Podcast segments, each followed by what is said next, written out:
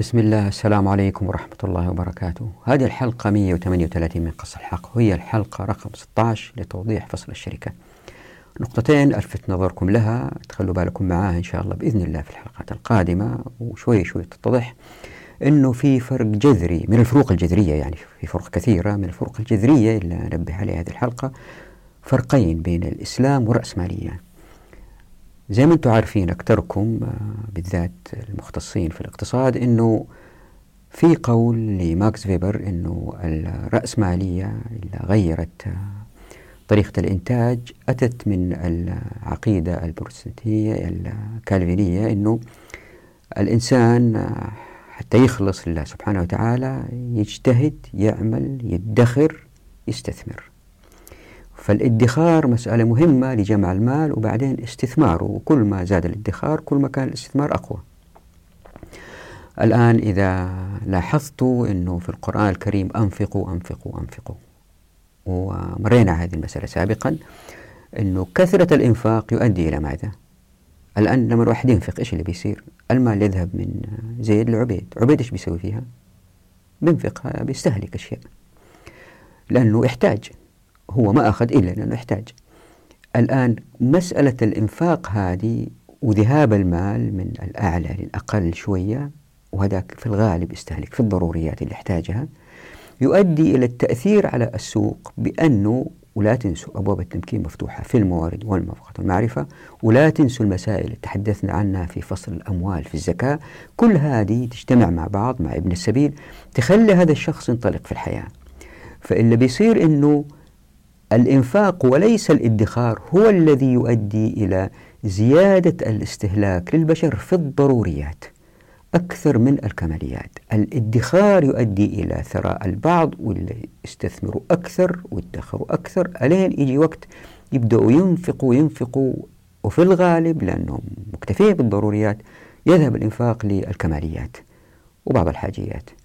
فالتركيبة الاقتصادية للمستهلكات في السوق من حيث كماليات يعني نسبها من كماليات لحاجيات لضروريات تختلف باختلاف العقيدة إلا في المجتمع. هل هي ادخر ادخر واستثمر أو أنفق أنفق؟ مسألة ثانية نلتفت لها هي أنه يمكن سئلت هذا السؤال مرارا يمكن واحد يقول بس كيف شركة نفاثات تقدر تصنع نفاث وتعتمد على شركات أخرى مثلا تسوي لها المراوح حقت النفاث تعرفوا في النفاثة في مروحة كبيرة في الأمام. والنفاثة هذه أيضا تصنعها شركة متخصصة مثل مثل روز رويز وهي قد تكون منفصلة عن الشركة الأم اللي, تسوي الطائرة. النقطة هنا أنه واحد يسأل يقول كيف شركة مثل هذه الشركات اللي تسوي نفاثات تحصل على مطلوبها من الشركة اللي تسوي المراوح. فصعب جدا هذول ينفصلوا يصيروا شركتين. فزي ما بتقول أنت يا جميل في الحلقة الماضية إنه لأنه القطع الصغيرة تتجمع تسوي قطعة كبيرة ففي احتمال أنه القطع الصغيرة تنفصل بشركات تسويها مفصولة.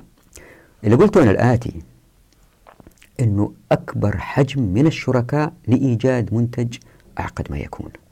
هم يجتمعوا مع بعض بأقل بيروقراطيات ممكنة فإلا بيصير أنه قد يخطر على بال الواحد أن الشركة هذه اللي تسوي المراوح لا تستجيب لمطالب الشركة إلا تصنع النفاذ الجواب هو أو السؤال هو هل هذا صحيح؟ هل هذا ممكن؟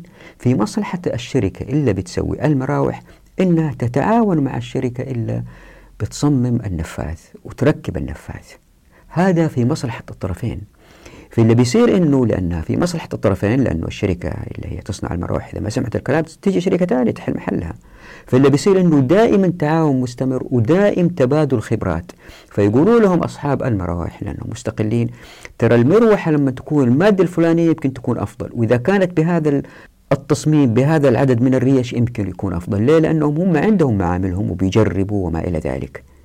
لأنهم بدأوا كصغار يسووا مراوح تنفيذا لأوامر الشركة الأم بالتدريج يمكن يطوروا هم بعض الأفكار لأنه إيدهم على العمل ويسووا هنجر يختبروا فيه آه، سرعة الرياح مع هذه المروحة أو يستأجروا هنجر.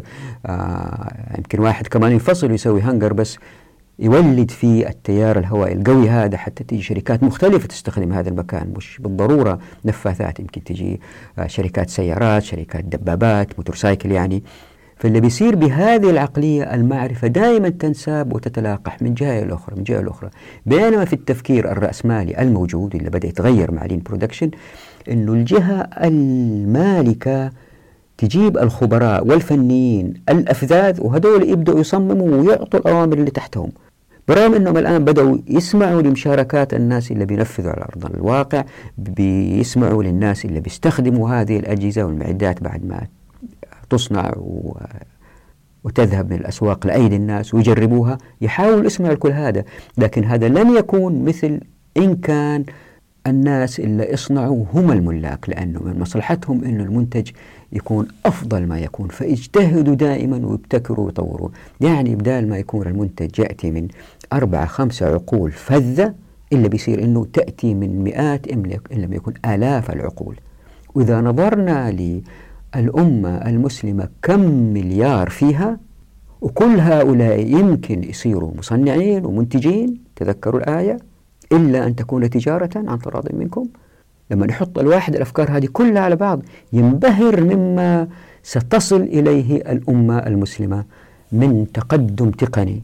وهذا التقدم بهذا الثراء يجعل الأمة المسلمة أمة قوية عزيزة باستمرار لأنه لا تنسوا الأوقاف شغالة في بدعم الناس شغالة في التعليم وفي الصحة وفي العمل العسكري عبادة وليس وظيفة وتتنافس الشركات في صناعة الطائرات والدبابات التي تدافع عن الأمة.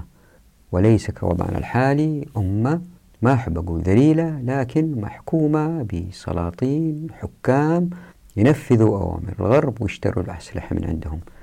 تحدثنا في الحلقة الماضية عن الأمانة في الحلقة والآن أيضا إن شاء الله نتحدث عنها ببعض التفصيل. وأعطيكم الآن فكرة عن باقي هذا الفصل حتى الواحد يمكن يربط بين النصف الأولاني والنصف الثاني لأنه في الحلقة الماضية وضعت إطار نظري للحلقات القادمة. ففي هذه الحلقة بعد الأمانة راح نتحدث عن حدود التصرف والحلقة القادمة مهمة جدا الحلقة 139 تتحدث عن المبادئ المهمة في الشركة. بعد كده أضرب أمثلة من كتب السلف لنوازل وكيف الفقهاء تعاملوا مع هذه النوازل. النوازل اللي هي حالات دراسية يسموها الأيام هذه اللي هي كيس ستديز بعد كده نخرج من النوازل لتوضيح مسألة مهمة ألا وهي الاتزان بين الإجارة والشراكة. ثم نعود للأمثلة. بعد كده نوضح بعض المفاهيم بتفصيل أكثر مثل الربح والوضيعة يعني الخسارة. وبعدين نتحدث عن الضمان وبعدين نتحدث عن الفسخ ونتحدث عن ندرة الأرض والزكاة بعدين نتحدث عن زكاة الشركاء والمال المستفاد ونتحدث عن النهد. وبعد كده أعطي فكرة سريعة عن كل الفصل. الآن لإعطاء فكرة عن هذه الحلقة. رح نبدأ إن شاء الله بتوضيح فكرة أنه الشريك يده يد أمانة ونستنتج أنه هذا المبدأ يؤدي إلى أنه وكأن الشركاء شخص واحد بعد كده أبين أنه للأمانة دعامتين هما الثقة والصدق. بعد كده أبين مبدأ أنه لا شراكة دون ائتمان الشريك. بعد كده نتحدث عن العزة والشراكة وكيف أنهم بالائتمان. ونتحدث عن مبدأ أنه كل شريك يجب أن يكون أهل للتوكيل والتوكل. وأنه هذه المبادئ تشتغل مع بعض وتؤدي إلى حركية بحث في المجتمع عن أهل الأمانة. وهذا البحث يؤدي إلى وقوع الشركاء من نفس الخلفيات من تقارب الدخل من تقارب الإمكانيات. وهذا التكتل للشركاء في جماعات يؤدي إلى ظهور هذه الجماعات بأقل بيروقراطية حتى يستقر العدد بعد التفتيت والتجميع. يعني هذه الحركيات تؤدي إلى تجميع الأفراد ثم بعد ذلك هؤلاء يتفتتوا إلى أصغر ويتجمعوا وبالتدريج يستقر العدد في الشراكات. وطبعا صعب توضيح هذه المسائل الآن. لابد من متابعة هذه الحلقة. والاستثناء هو يمكن آخر 15 أو 10 دقائق. ممكن لغير طلاب العلم أنهم ما يشاهدوها ليه؟ لأن تفاصيل ستكون مملة جدا بالنسبة لهم. بعد ما نوضح هذه الحركية التي تؤدي للتفتيت والتجميع ننظر إلى حدود التصرف للفرد الشريك. ما هي حدود تصرفه؟ فنبدأ بالمذهب الشافعي لأنه هو المذهب الذي أكثر من قيد حرية الشريك في التصرف مقارنة بالمذاهب الأخرى. فنلاحظ أنهم يشترطوا الإذن ومتى وقع الإذن من الشريك أطلقت يد الشريك المأذون له. فالإذن شرط للشراكة عندهم. فإذا أثبتنا أن المذهب الشافعي والذي هو أكثر من قيد تصرف الشريك أنه فيها إطلاق كبير للأفراد ما يعني بسبب الأمانة وبسبب أنه أهل التوكيل والتوكل أنه الأفراد المتشاركين وكأنهم شخص واحد. من باب أولى إذن المذاهب الأخرى ستؤدي أيضا لنفس الهدف. بعد كده أثير مسألة أنه طيب الاشتراط هذا أنه إذن الشريك يحدد حدود التصرف كيف يختلف هذا عن الصلاحيات التي تعطى الآن للموظفين؟ يعني ما الفرق بين إذن الشريك والصلاحيات التي تسطر الآن للموظفين. وهذا موضوع مهم ويصعب شرحه الآن فأجيب على هذه المسألة أنه في فرق شاسع بين إذن الشريك والصلاحيات. بعد كده ننظر للمذهب الحنبلي والذي اشترط أيضا إذن الشريك لكن الحنابلة وضعوا مبادئ تزيد الشريك إطلاقا. بعد كده ننظر للمذهب المالكي ثم المذهب الحنفي وضع مقتطفات مما ذهبوا إليه حتى نثبت أنه ما ذهبوا إليه يؤدي إلى نفس ما ذهب إليه الشافعية والحنابلة ألا وهو إطلاق يد الشريك قدر المستطاع وكأن الشركاء شخص واحد. وهنا أكد مرة أخرى أن هذه الحلقة لن تفهم بمعزلها عن الحلقات الماضية ولا بد من متابعة الحلقات القادمة حتى تتضح الصورة بطريقة مقنعة. فهذه الحلقة الواحد حس في آخرها إنها مبتورة. ستأتي التكملة إن شاء الله في الحلقة القادمة 139 وهي حلقة مهمة جدا وهي عن المبادئ والآن إلى التوضيح. يمكن لاحظت في الاقتباسات السابقة في الحديث عن الأمانة في الحلقة الماضية أن الشراكة هي علاقة بين شركاء مبنية على الأمانة. فلا تصح الشراكة زي ما استنتج المطيعي من أقوال الفقهاء المختلفة إلا إن كانت يد كل شريك في كل ما يختص بأعمال الشركة وأموالها يد أمانة. فلا يضمن ما أتلف إلا حيث قصر أو تجاوز حدود الأمانة. وإن لم يكن ثم التقصير أو تجاوز فما يقع على أحد من ضمان في أثناء أداء عمل الشركة يلزم به كل الشركاء. يعني لاحظوا النص بيقول وكأن الشركاء شخص واحد وهذه نبهنا عليها في الحلقة الماضية. وهذه تؤدي إلى تقليل البيروقراطيات. وإذا تتذكروا في فصل الأموال تحدثنا عن تكريم المجتمع للأفراد وذلك بالأخذ بقول المزكي في حال الخلاف. تتذكروا؟ إذا اختلف العامل عليها اللي جاي يأخذ الزكاة مع المزكي. فكذلك هنا نجد أن الشريك العامل له الكلمة المسموعة إن لم توجد بينة. فلاحظوا إلا لخصوا الشيرازي من العلاقة بين الشريكين بأنها مبنية على مصداقية عالية قائلا والشريك أمين فيما في يده من مال شريكه فإن هلك المال في يده من غير تفريط لم يضمن لأنه نائب عنه في الحفظ والتصرف فكان الهالك في يده كالهالك في يده. شوف شوف الجملة هذه كيف فكان الهالك في يده كالهالك في يده يعني الهالك في يد الشريك كالهالك في يد إلا تشارك معه. فإذا ادعى الهلاك فإن كان بسبب ظاهر لم يقبل حتى يقيم البين عليه. فإذا أقام البينة على السبب فالقول قوله في الهلاك مع يمينه. وإن كان بسبب غير ظاهر فالقول قوله مع يمينه من غير بينة. لأنه يتعذر إقامة البينة على الهلاك. فكان القول قوله مع يمينه. لاحظوا هنا كيف التكريم للشريك مثلا جاء هو في الصباح مبكر وشغل الجهاز اللي قطع الخشب وخرب الجهاز. هو لوحده وما في بينة. ما يقدر يجي يقول له الثاني آه أنت خربتها لا أنا أبغى أفصل أنت كسلان. وهذا يعطي انطلاق للشركاء. نكمل. وإن ادعى عليه الشريك خيانة وأنكر فالقول قوله لأن الأصل عدم الخيانة. شوفوا العلم كيف. وإن كان في يده عين وادعى شريكه أن ذلك من مال الشركة وادعاه أنه له فالقول قوله مع يمينه لأن الظاهر مما في يده أنه ملكه. فإن اشترى شيئا فيه ربح فادعى الشريك أنه اشتراه للشركة وادعى هو أنه اشتراه لنفسه أو اشترى شيئا فيه خسارة. وادعى الشريك أنه اشتراه لنفسه وادعاه هو أنه اشتراه للشركة.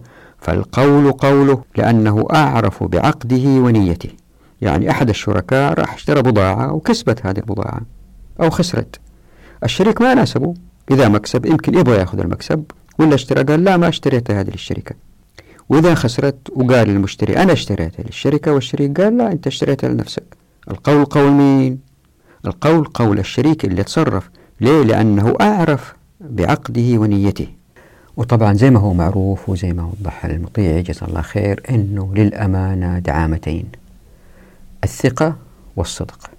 يعني واحد يثق بالثاني والثاني يكون صدوق. فهو بيوضح بيقول لذلك إن ادعى يعني الشريك الهلاك بسبب ظاهر لم يقبل قوله حتى يقيم البين على السبب الظاهر لأنه يمكنه إقامة البينة عليه. وجاء في المجموع ألاحظ قول المزني في هذه المسألة وأيهما ادعى في يد صاحبه من شركتهما شيئا فهو مدع وعليه البينة. وعلى صاحبه اليمين. وهذا صحيح. إذا كان في يد أحد الشريكين مال وادعى صاحبه أن ما في يده من هذا المال هو من الشركة وادعى صاحب اليد ملكه لنفسه. فالقول فيه قول صاحب اليد مع يمينه.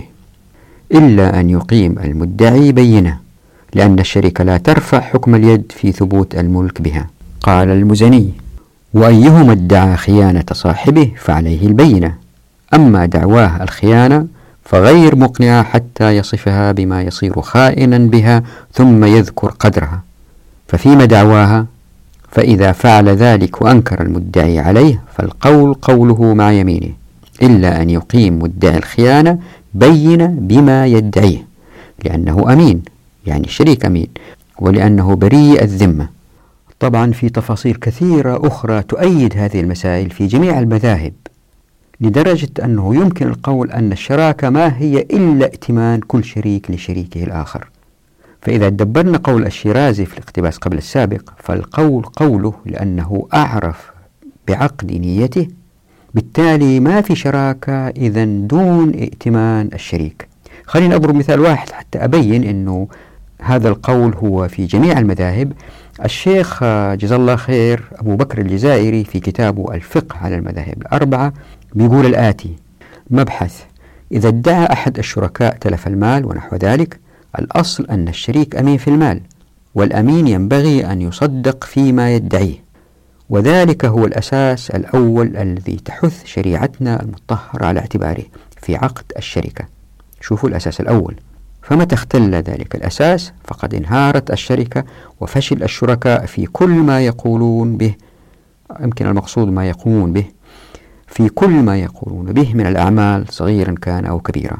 وهنا أذكر زي ما ذكرت باستمرار أنه إذا كان أبواب التمكين مفتوحة في الموارد والموافقات والمعرفة ما يضطروا الناس إنهم يكذبوا.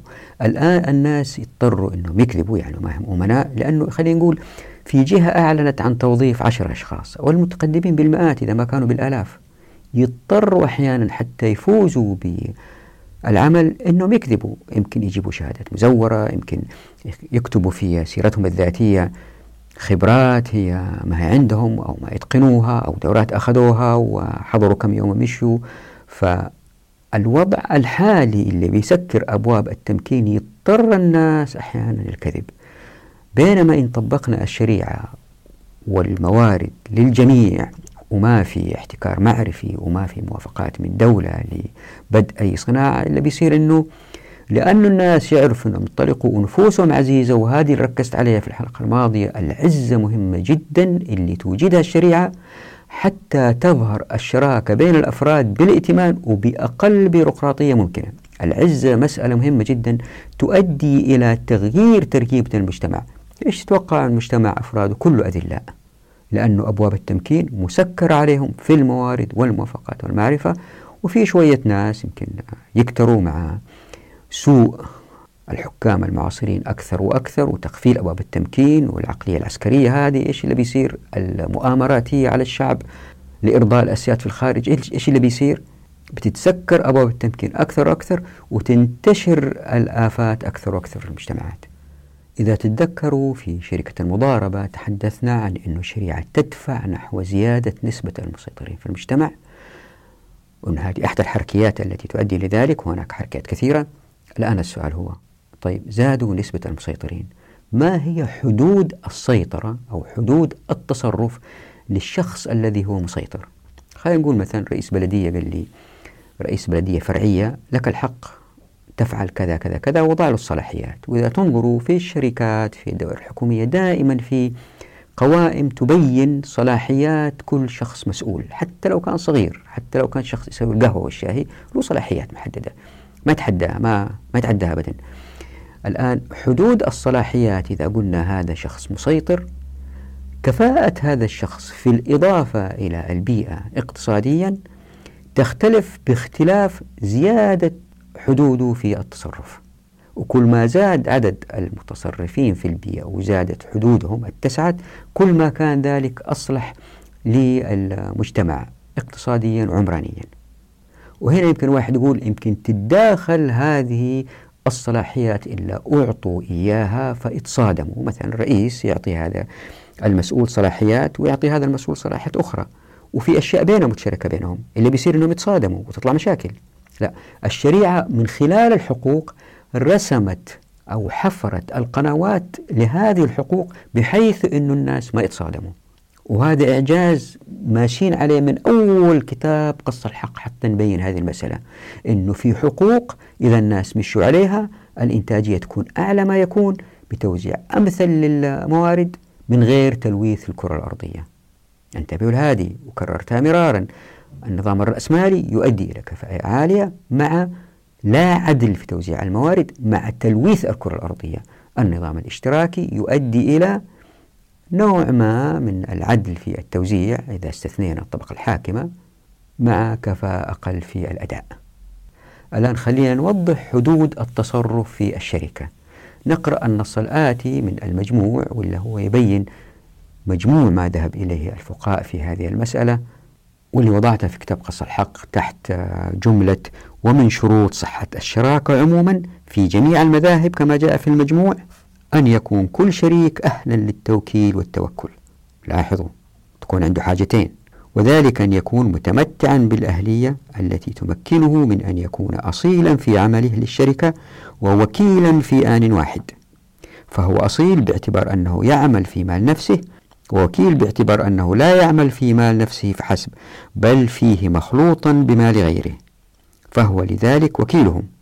وعدا حالات مستثناة فهذا الشرط يقتضي أن يكون الشريك أو من يمثله بالغا عاقلا رشيدا وبذلك يكون قادرا على أن يزن مصلحته ويحمي نفسه ويرعى مصالح الآخرين من الواضح من النص السابق أنه الذهاب إلى القول من كل المذاهب إلى أنه الشركة تكون صحيحة إذا كان الشريك أهل للتوكيل والتوكل فهذا يؤدي إلى ماذا؟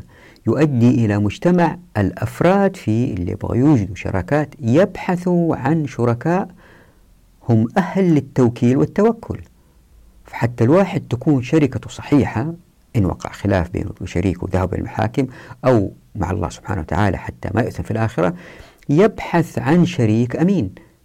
لأن الشريك هذا إذا تصرف غلط أو أخطأ أو القول قوله وزي ما شفنا. فإلا بيصير أنه يكون حريص الإنسان الذي يوجد شركة أنه يبحث ويمحص عن الشريك الأمين.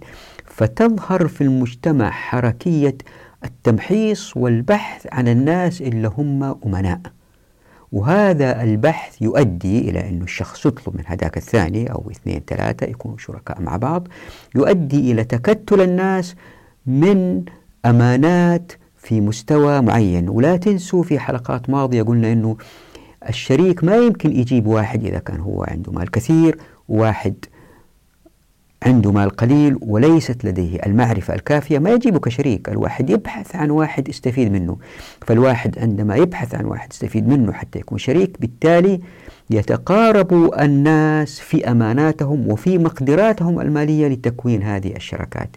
يعني إيش اللي بيصير؟ أنه الشراكات تتفتت إلى وضع لأنه حتى الشركاء يكونوا أمناء ويأمنوا بعض. هذا معناه زي ما ذكروا قلنا أقل قدر ممكن من البيروقراطية. ليش؟ لأنه الواحد لما بيتصرف كأنه الآخرين تصرفوا زيه. هذه التركيبة الذهنية إني أنا أثق, أثق فيك وأنت تثق فيا يؤدي إلى أنه هذه الشركة ما تدخل واحد ما يثق فيه.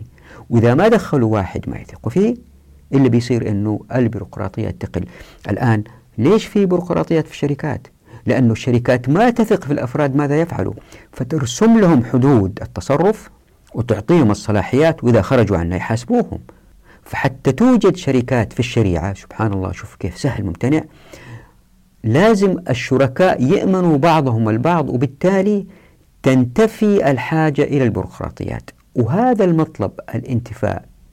للبيروقراطيات الحاجة لها يؤدي إلى أن الشركات تتفتت إلى أحجام الشركاء فيها يشتغلوا مع بعض من غير بيروقراطيات. طيب هم يبغوا ينتجوا وهذا عددهم ما يكفي أنهم ينتجوا مثلا نفاثة. يضطروا ينتجوا شيء صغير هم يقدروا ينتجوه. بس النفاثة تحتاج قطع أخرى مختلفة. يبدأوا يدخلوا زي ما قلت في الحلقة الماضية بالتبادل التجاري مع هؤلاء. أنت سوي دي أنا سوي دي أنت سوي دي أنا سوي دي. وتكاتفوا عدد أكبر وأكبر من الأفراد لصناعة هذا النفاث جماعة الآن تبدأ تثق في الجماعة الثانية وحتى يمكن يحاولوا يحتكروا السوق إذا قدروا لأنهم عندهم معرفة أعلى يتشاركوا مع بعض ويسووا شركة أكبر. فالشركة الآن كبرت لأنه عدد اللي يثقوا في بعضهم أكبر ولأنهم حاولوا يحتكروا السوق ولأن السوق مفتوح والمعرفة مشاعة. تظهر شركة أخرى تنافس هذه الشركة. فالشركات في حياتها بسبب هذا الشرط اللي هو الائتمان على الشركاء وكل واحد أهل للتوكيل والتوكل يؤدي إلى تفتيت وتجميع. تفتيت وتجميع الشراكات إلى الحجم الأمثل اللي يخليهم أكفأ ما يكونوا في الأداء. طيب الآن عندما يستقر الشركاء على عدد معين ما هي حدود تصرف الشريك؟ هنا مرة ثانية اختلفوا الفقهاء وسبب الاختلاف زي ما وضحت في حلقة سابقة هو قلق الفقهاء على الشركاء من الوقوع في الجهالة والغرر. فكل فقيه اجتهد في إيجاد حدود التصرف.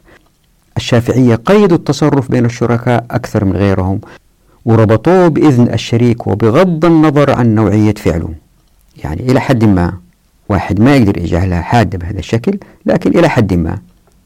لكن لاحظوا في النص الآتي وهذا هو المهم أنه الإذن هو شرط للشراكة إذ أنه لا شراكة من غير إذن. فمتى وقع الإذن؟ أطلقت يد المأذون له. لاحظوا هذا اللي قلته في هذا النص في المجموع مثلا خلينا نقرأه. ولا يجوز لأحد الشريكين أن يتصرف في نصيب شريكه إلا بإذنه. فإن أذن كل واحد منهما لصاحبه في التصرف تصرفا وإن أذن أحدهما ولم يأذن الآخر تصرف المأذون في الجميع ولم يتصرف الآخر إلا في نصيبه. ولا يجوز لأحدهما أن يتجر في نصيب شريكه إلا في الصنف الذي يأذن فيه الشريك. ولا أن يبيع بدون ثمن المثل ولا بثمن مؤجل ولا بغير نقد البلد إلا أن يأذن له شريكه لأن كل واحد منهما وكيل للآخر في نصفه. فلا يملك إلا ما يملك كالوكيل. هنا الواحد يمكن يثير سؤال طيب يقول يا جميل إيش الفرق بين إذن الشريك اللي هو هنا في النص وبين الصلاحيات اللي عادة ما تعطى للمسؤولين في الشركات المعاصرة؟ لأنه ظاهريا ما في فرق أبدا لأنه الشريك يبغى إذن وهداك يعطى صلاحيات محددة. الجواب هو كالآتي أن الصلاحيات ترسم حدود التصرف وحتى وإن كان المتصرف رئيس تنفيذي للشركة. فله حدود مرسومة لأنه محاسب على تصرفاته. هذا إذا كان رئيس تنفيذي وعنده مساحة أكبر في التصرف لكن معظم الموظفين حدودهم مرسومة بطريقة فيها نوع من التضييق. بينما الإذن يعني إطلاق الفرد في التصرف فيما أذن له فيه. وإذا تتذكروا لما مر بنا سابقا أنه من أسس الشراكة ائتمان الشريك. فالواحد بيأذن للآخر للي ائتمنوا عليه. يعني بإذن في كل شيء تقريبا وهذا هو الأصل. فإن أذن لهذا الشريك التصرف فكأنه لا حدود له في التصرف لأنه وكأنه مالك. لذلك فالقول قوله إن أساء التصرف لأن الأصل هو أنه مؤتمن وكأنه مالك لجميع عروض الشركة. وليس فقط لسهمه إلا عنده في الشركة أو وليس فقط للمنصب اللي هو فيه. وتذكروا هنا أنه الشركة مكونة من أفراد العلاقات بينهم أفقية وما في بيروقراطيات بينهم إلا القليل إن هم أرادوا واتفقوا على نوع من التنسيق بينهم في يجيبوا واحد يرتب لهم أمورهم. ولأن الشركاء وكأنهم في مستوى واحد ما في رئيس ولا مرؤوس بينهم فالصفة الغالبة في التعاملات هي الاحترام والتقدير فيما بينهم. ليه؟ لأنه إذا كان في رئيس ومرؤوس يظهر نوع من التفضيص الآن ما في تفضيص هم في نفس المستوى. وفي مثل هذه الأجواء يصعب على أي واحد من الشركاء أنه يضع شروط على شريكه في التصرف. خوف من أنه يجرح مشاعره لأن الشروط قد تدفع الشريك لترك الشراكة في أي لحظة. وإذا ترك الشركة ستقف ليه؟ لأنه الأيدي العاطلة قليلة جدا في المجتمعات. هذا يخلي كل شريك قدر المستطاع يحافظ على شريكه.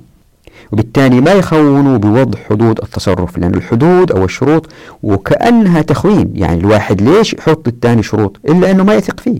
فما في حاجة للتخوين. لكن الشريك إذا ضايق من شريكه يترك هذا الشريك ويجيب شريك آخر. بس ما يقدر يضع له حدود. هو بس يعطي الإذن. لاحظوا هنا إحنا بنناقش المذهب الشافعي اللي هو ضيق هذه المسألة. وراح تشوفوا المذاهب الأخرى كيف. فالتخوين عكس الثقة. يعني هل عمركم شفتوا شروط توضع على من هو أهل الثقة؟ إلا إذا كانت الثقة مخدوشة. فالكثيرين يدعون أنهم يضعون الشروط من باب الاطمئنان لكن الحق هو أنها وضعت لأن الثقة مخرومة وهذه قد تحدث بين الشركاء إلا أنها نادرة مقارنة بالأنظمة المعاصرة لأنها منطقيا لا حاجة لها لأنه للشريك ترك الشراكة متى شاء. بالتالي ما في حاجة لقيود تقيد في الشراكة. انتبهوا لهذه المسألة. لأنه الشريك يقدر يترك وقت ما يبغى زي ما راح نشوف في الفسخ إن شاء الله. ما في حاجة لتقييده بشروط وحدود تصرف. لكن موظف الشركة هذه الأيام مرغم على العمل تحت شروط الشركة التي تضعها. وكأنها تقول له أنت غير مؤتمن. فشتان بين الحالين. وبالنسبة للحنابلة هم أيضا أشترطوا إذن الشريك لكن وضعوا مبادئ تؤدي إلى إطلاق يد الشريك. يعني إذا كان الواحد تدبر هذه المبادئ سيجد أنها تصب في مصلحة الشراكة. وأي فعل غير ذلك يحتاج لإذن الشريك واللي من دونه لن تصح الشراكة. فالإذن شرط في الشراكة عندهم. خلينا ننظر للصلاحيات بين الشركاء كما جاء في المغني. وشركة العنان مبنية على الوكالة والأمانة. لأن كل واحد منهما بدفع المال إلى صاحبه أمنة وبإذنه في التصرف وكله. ومن شرط صحتها أن يأذن كل واحد منهما لصاحبه في التصرف فإن أذن له مطلقا في جميع التجارات تصرف فيها. وإن عين له جنسا أو نوعا أو بلدا تصرف فيه دون غيره لأنه متصرف بالإذن فوقف عليه كالوكيل. ويجوز لكل واحد منهما أن يبيع ويشتري مساومة ومرابحة وتولية ومواضعة. وكيف رأى المصلحة لأن هذا عادة التجار. وله أن يقبض المبيع والثمن ويقبضهما ويخاصم في الدين ويطالب به ويحيل ويحتال ويرد بالعيب فيما وليه هو وفيما ولي صاحبه. وله أن يستأجر من رأس مال الشركة ويؤجر. لأن المنافع أجريت مجرى الأعيان فصار كالشراء والبيع والمطالبة بالأجر لهما وعليهما لأن حقوق العقد لا تختص العاقد. إذا تأملنا النص نجد مدى سعة سيطرة الشريك أو مدى عظم الصلاحيات المعطاة للشريك. فقط لأنه شريك أمنه ووكله شريكه فلا تصح الشراكة إلا بالإذن في التصرف. لكن متى ما أخذ الإذن خلاص انطلق. لكن في الوقت ذاته الحنابلة وضعوا ضوابط منطقية لابد منها حفاظا على الشراكة حتى لا تفرط. لاحظوا إلا في الشاشة هنا مما جاء في المغني أيضا وليس له أن يكاتب الرقيق ولا يعتق على مال ولا غيره ولا يزوج الرقيق لأن الشركة تنعقد على التجارة وليست هذه الأنواع تجارة سيما تزويج العبد فإنه محض ضرر هنا في ملحوظة يا أخوات ويا إخوان الواحد لما يقرأ هذه الكتب ويقول والله في عتق وفي رقيق وفي تزويج رقيق. لا خلاص الشريعة ما تصلح هذه الأيام و... يا جماعة الخير المسألة مسألة مبادئ.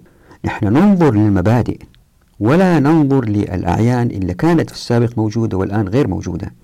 يعني مثلا إذا كان عالم من علماء السلف يتكلم عن الزرنيخ مثلا وكيف الناس يأخذوه ويبيعوه ما نعرف إيش. ما نسقط هذه الأفكار على وضعنا الحالي بالنظر للزرنيخ ننظر للحركيات اللي كانوا يتفاعلوا فيها فيما بينهم وهي اللي نحاول نفهمها. نعود الموضوع سيما تزويج العبد فإنه محض ضرر وليس له أن يقرض ولا يحابي لأنه تبرع وليس له التبرع وليس له أن يشارك بمال الشركة ولا يدفعه مضاربة لأن ذلك يثبت في المال حقوقه. ويستحق ربحه لغيره وليس ذلك له. يعني هنا في مسألة واضحة.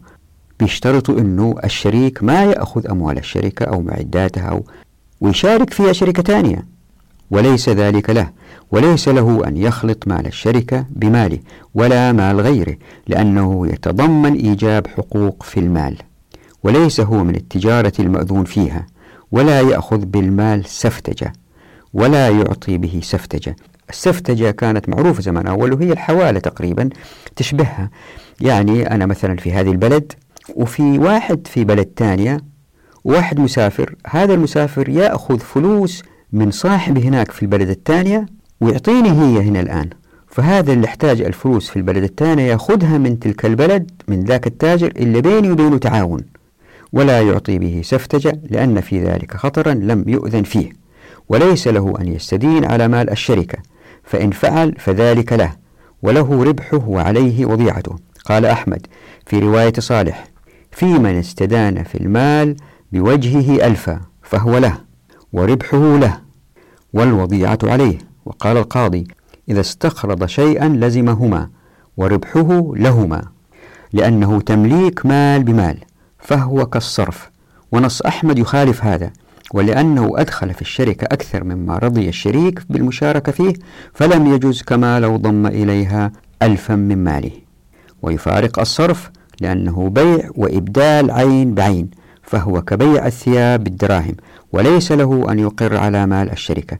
فإن فعل لزم في حقه دون صاحبه سواء أقر بعين أو دين لأن شريكه إنما أذن له في التجارة وليس الإقرار داخلا فيها.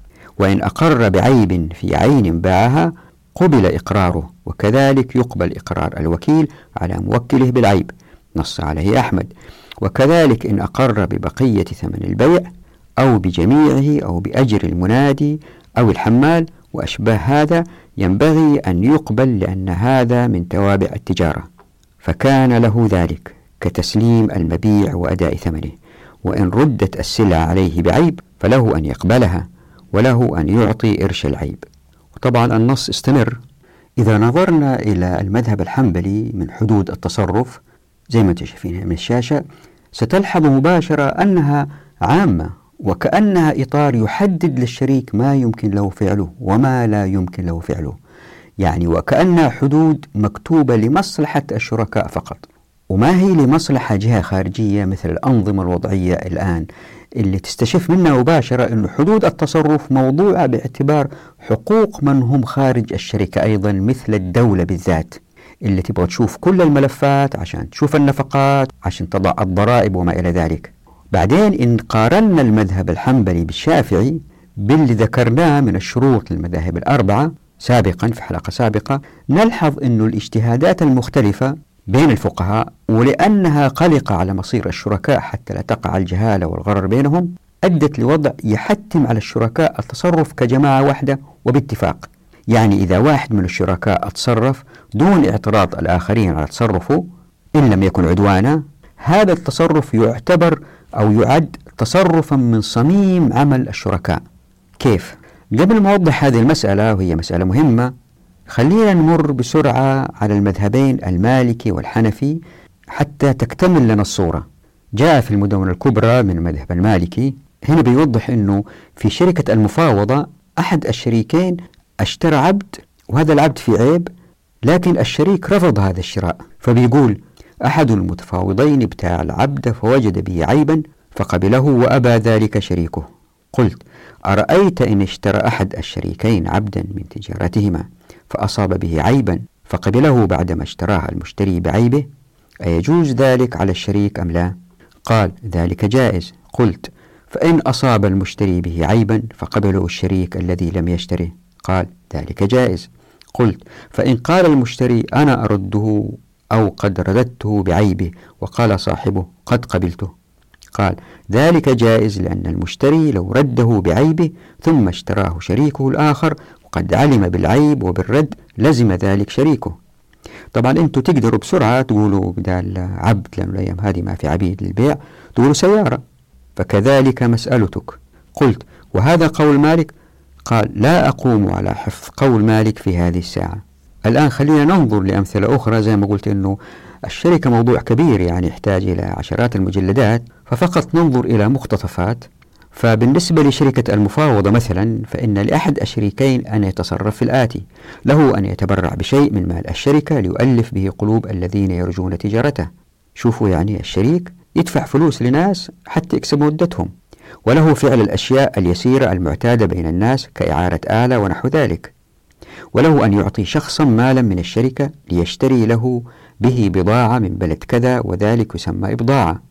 وهذا من حقوق الشريكين شركة عنان أيضا على أن الإبضاع لا يصح إلا إذا كان مال الشركة واسعا إلا فلا يصح الإبضاع بدون إذن شريكه. ولأحد المتفاوضين أن يودع مال الشركة عند من يراه أمينا لعذر يقتضي الإيداع فإن أودع لغير عذر ضمن. شوفوا الحدود كيف واسعة جدا في التصرف. شوفوا الأمثلة كيف وله أن يشارك في جزء معين من المال شركة مفاوضة أو شركة عنان بحيث لا يكون للشريك الجديد إلا العمل في الجزء الذي عينه. فلو عمل في كل مال الشركة بدون إذن الشريك الأول فإنه لا يصح. وله أن يعطي بعض المال لشخص مضاربة إذا كان المال متسعا يحتمل ذلك وإلا فلا يصح بدون إذن شريكه أيضا.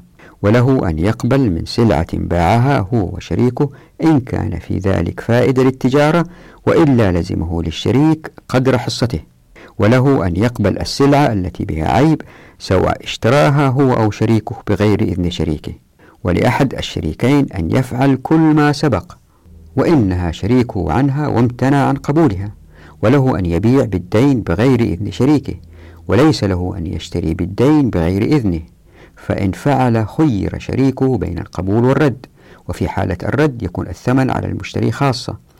ولا فرق في ذلك بين أن تكون السلعة التي اشتراها بالدين معينة بينهما بأن قالوا له اشتري السلعة الفلانية أو لم تكن معينة كأن قال له كل سلعة عجبتك فاشترها فإذا آذنه شريكه في شراء سلعة معينة بالدين فإنه يصح أما إذا آذنه في شراء أي سلعة بالدين فإنه لا يصح لأنها تكون من باب شركة الذمم وهي ممنوعة عندهم.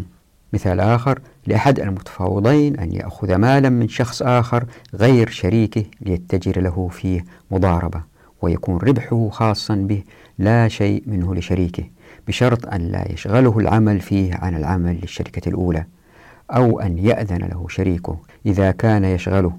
ومثل ذلك ما إذا اتجر أحدهما في وديعة عنده فإنه يكون له ربحها وعليه خسارتها فلا دخل لشريكه إلا إذا علم شريكه بذلك ولم يمنح فإنه يكون متضامنا معه في ربحها وخسارتها. خلينا الآن ننظر للمذهب الحنفي بعد ذلك نعلق عليهم. المذهب الحنفي آه، حدود التصرف اختلفت عندهم بأنماط الشراكات فحدود تصرف الشريك في شركة المفاوضة على قسمين الأول أن يتصرف كل منهم في مال الشركة بتصرفات منها أن يبيع ويشتري كل منهم بثمن مقبوض ومؤجل ولكل منهم أن يتعاقد عقد سلم بأن يشتري سلعة بثمن حال على أن يقبضها بعد مدة معينة.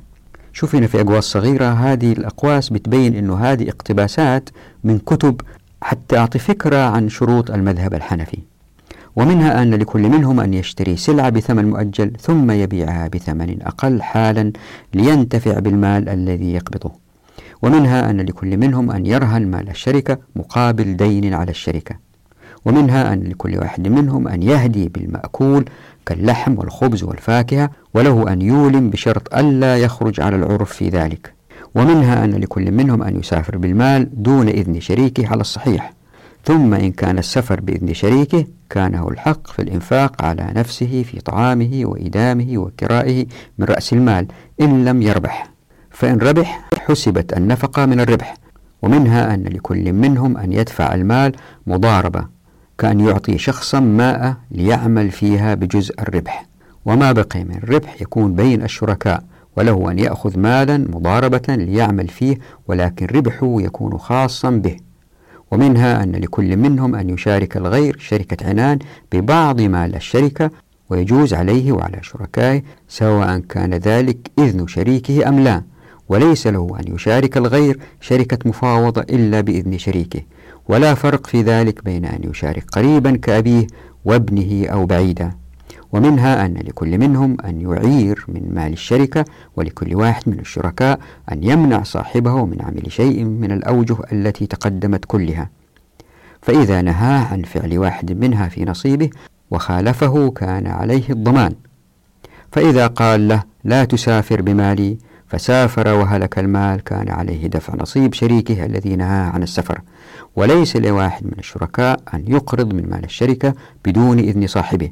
فإذا فعل ضمن نصيب شريكه ولا تفسد الشركة. والقسم الثاني هو تصرف أحد الشركاء فيما يقع منهم من التعاقد مع الغير وهو على وجوه أيضا.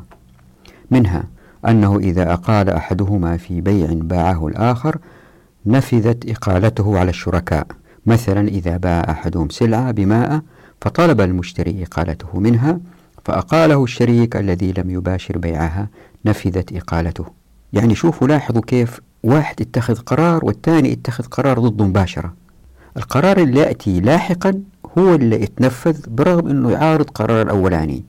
يعني وكأنه الشخص نفسه غير رأيه. ومثل البيع السلم.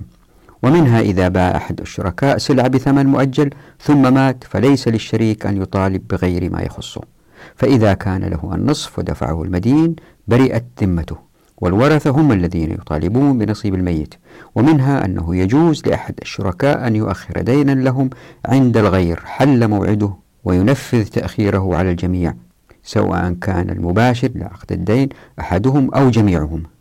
ومنها أنه إذا اشترى أحدهم شيئا كان شركاؤه متضامنين معه في الثمن فيؤاخذون كما يؤاخذ الذي باشر الشراء ولكل منهم أن يقبض السلعة التي اشتراها أحدهم. وإذا وجد أحدهم عيبا في سلعة اشتراها صاحبه فله أن يردها كما لصاحبه ذلك. وبالإضافة لهذا الذي سبق الذي يبين أنه كأنه الشركاء شخص واحد فالحنفية يرون أن لكل واحد من الشريكين أن يوكل بالبيع والشراء والاستئجار وللآخر أن يعزل ذلك الوكيل من ذلك. أما إذا وكله بتقاضي دين فليس للآخر إخراجه. وما عدا ذلك فإن كل التصرفات الثابتة لشريك المفاوضة تثبت لشريك العنان وكل ما يمنع منه شريك المفاوضة يمنع منه شريك العنان إلا الآتي. أن شريك العنان لا يملك أن يشارك الغير بدون إذن شريكه. فإذا اشترك اثنان في شركة عنان واشترك أحدهما مع ثالث بدون إذن شريكه كان الربح بينهم جميعا على أن يأخذ الثالث نصفه. ويقسم النصف بين الشريكين. وإذا اشترى الذي لم يشارك كان ربحه خاصا به ومنها أن ليس لشريك العنان الذي لم يباشر البيع أن يرهن عينا من مال الشركة فإذا رهن بدين على الشركة لم يجز وضمن العين المرهونة. لاحظوا في النص أنه الشريكين في تصرفهم وكأنهم شخص واحد من قولهم لكل واحد من الشريكين أن يوكل بالبيع والشراء والاستئجار وللآخر أن يعزل ذلك الوكيل من ذلك. يعني كأنه شخص بيتصرف واتخذ قرار وبعدين غير مزاجه يبغى يسوي شيء آخر. يعني يمكن يوكل أحد الشريكين زيد من الناس فيأتي الشريك الآخر ليعزله ثم يعود الأول ليوكله مرة أخرى. وكأنهم شخص واحد بتصرفات مختلفة. وطبعا هذا شيء نادر الحدوث يعني هذا أمثلة متطرفة جدا. وطبعا بين جميع هذه الأقوال المختلفة الواحد احتار يقول طيب كيف يعني؟ نأخذ بإيش؟ زي ما كررت مرارا أنه كلها في بوتقة واحدة.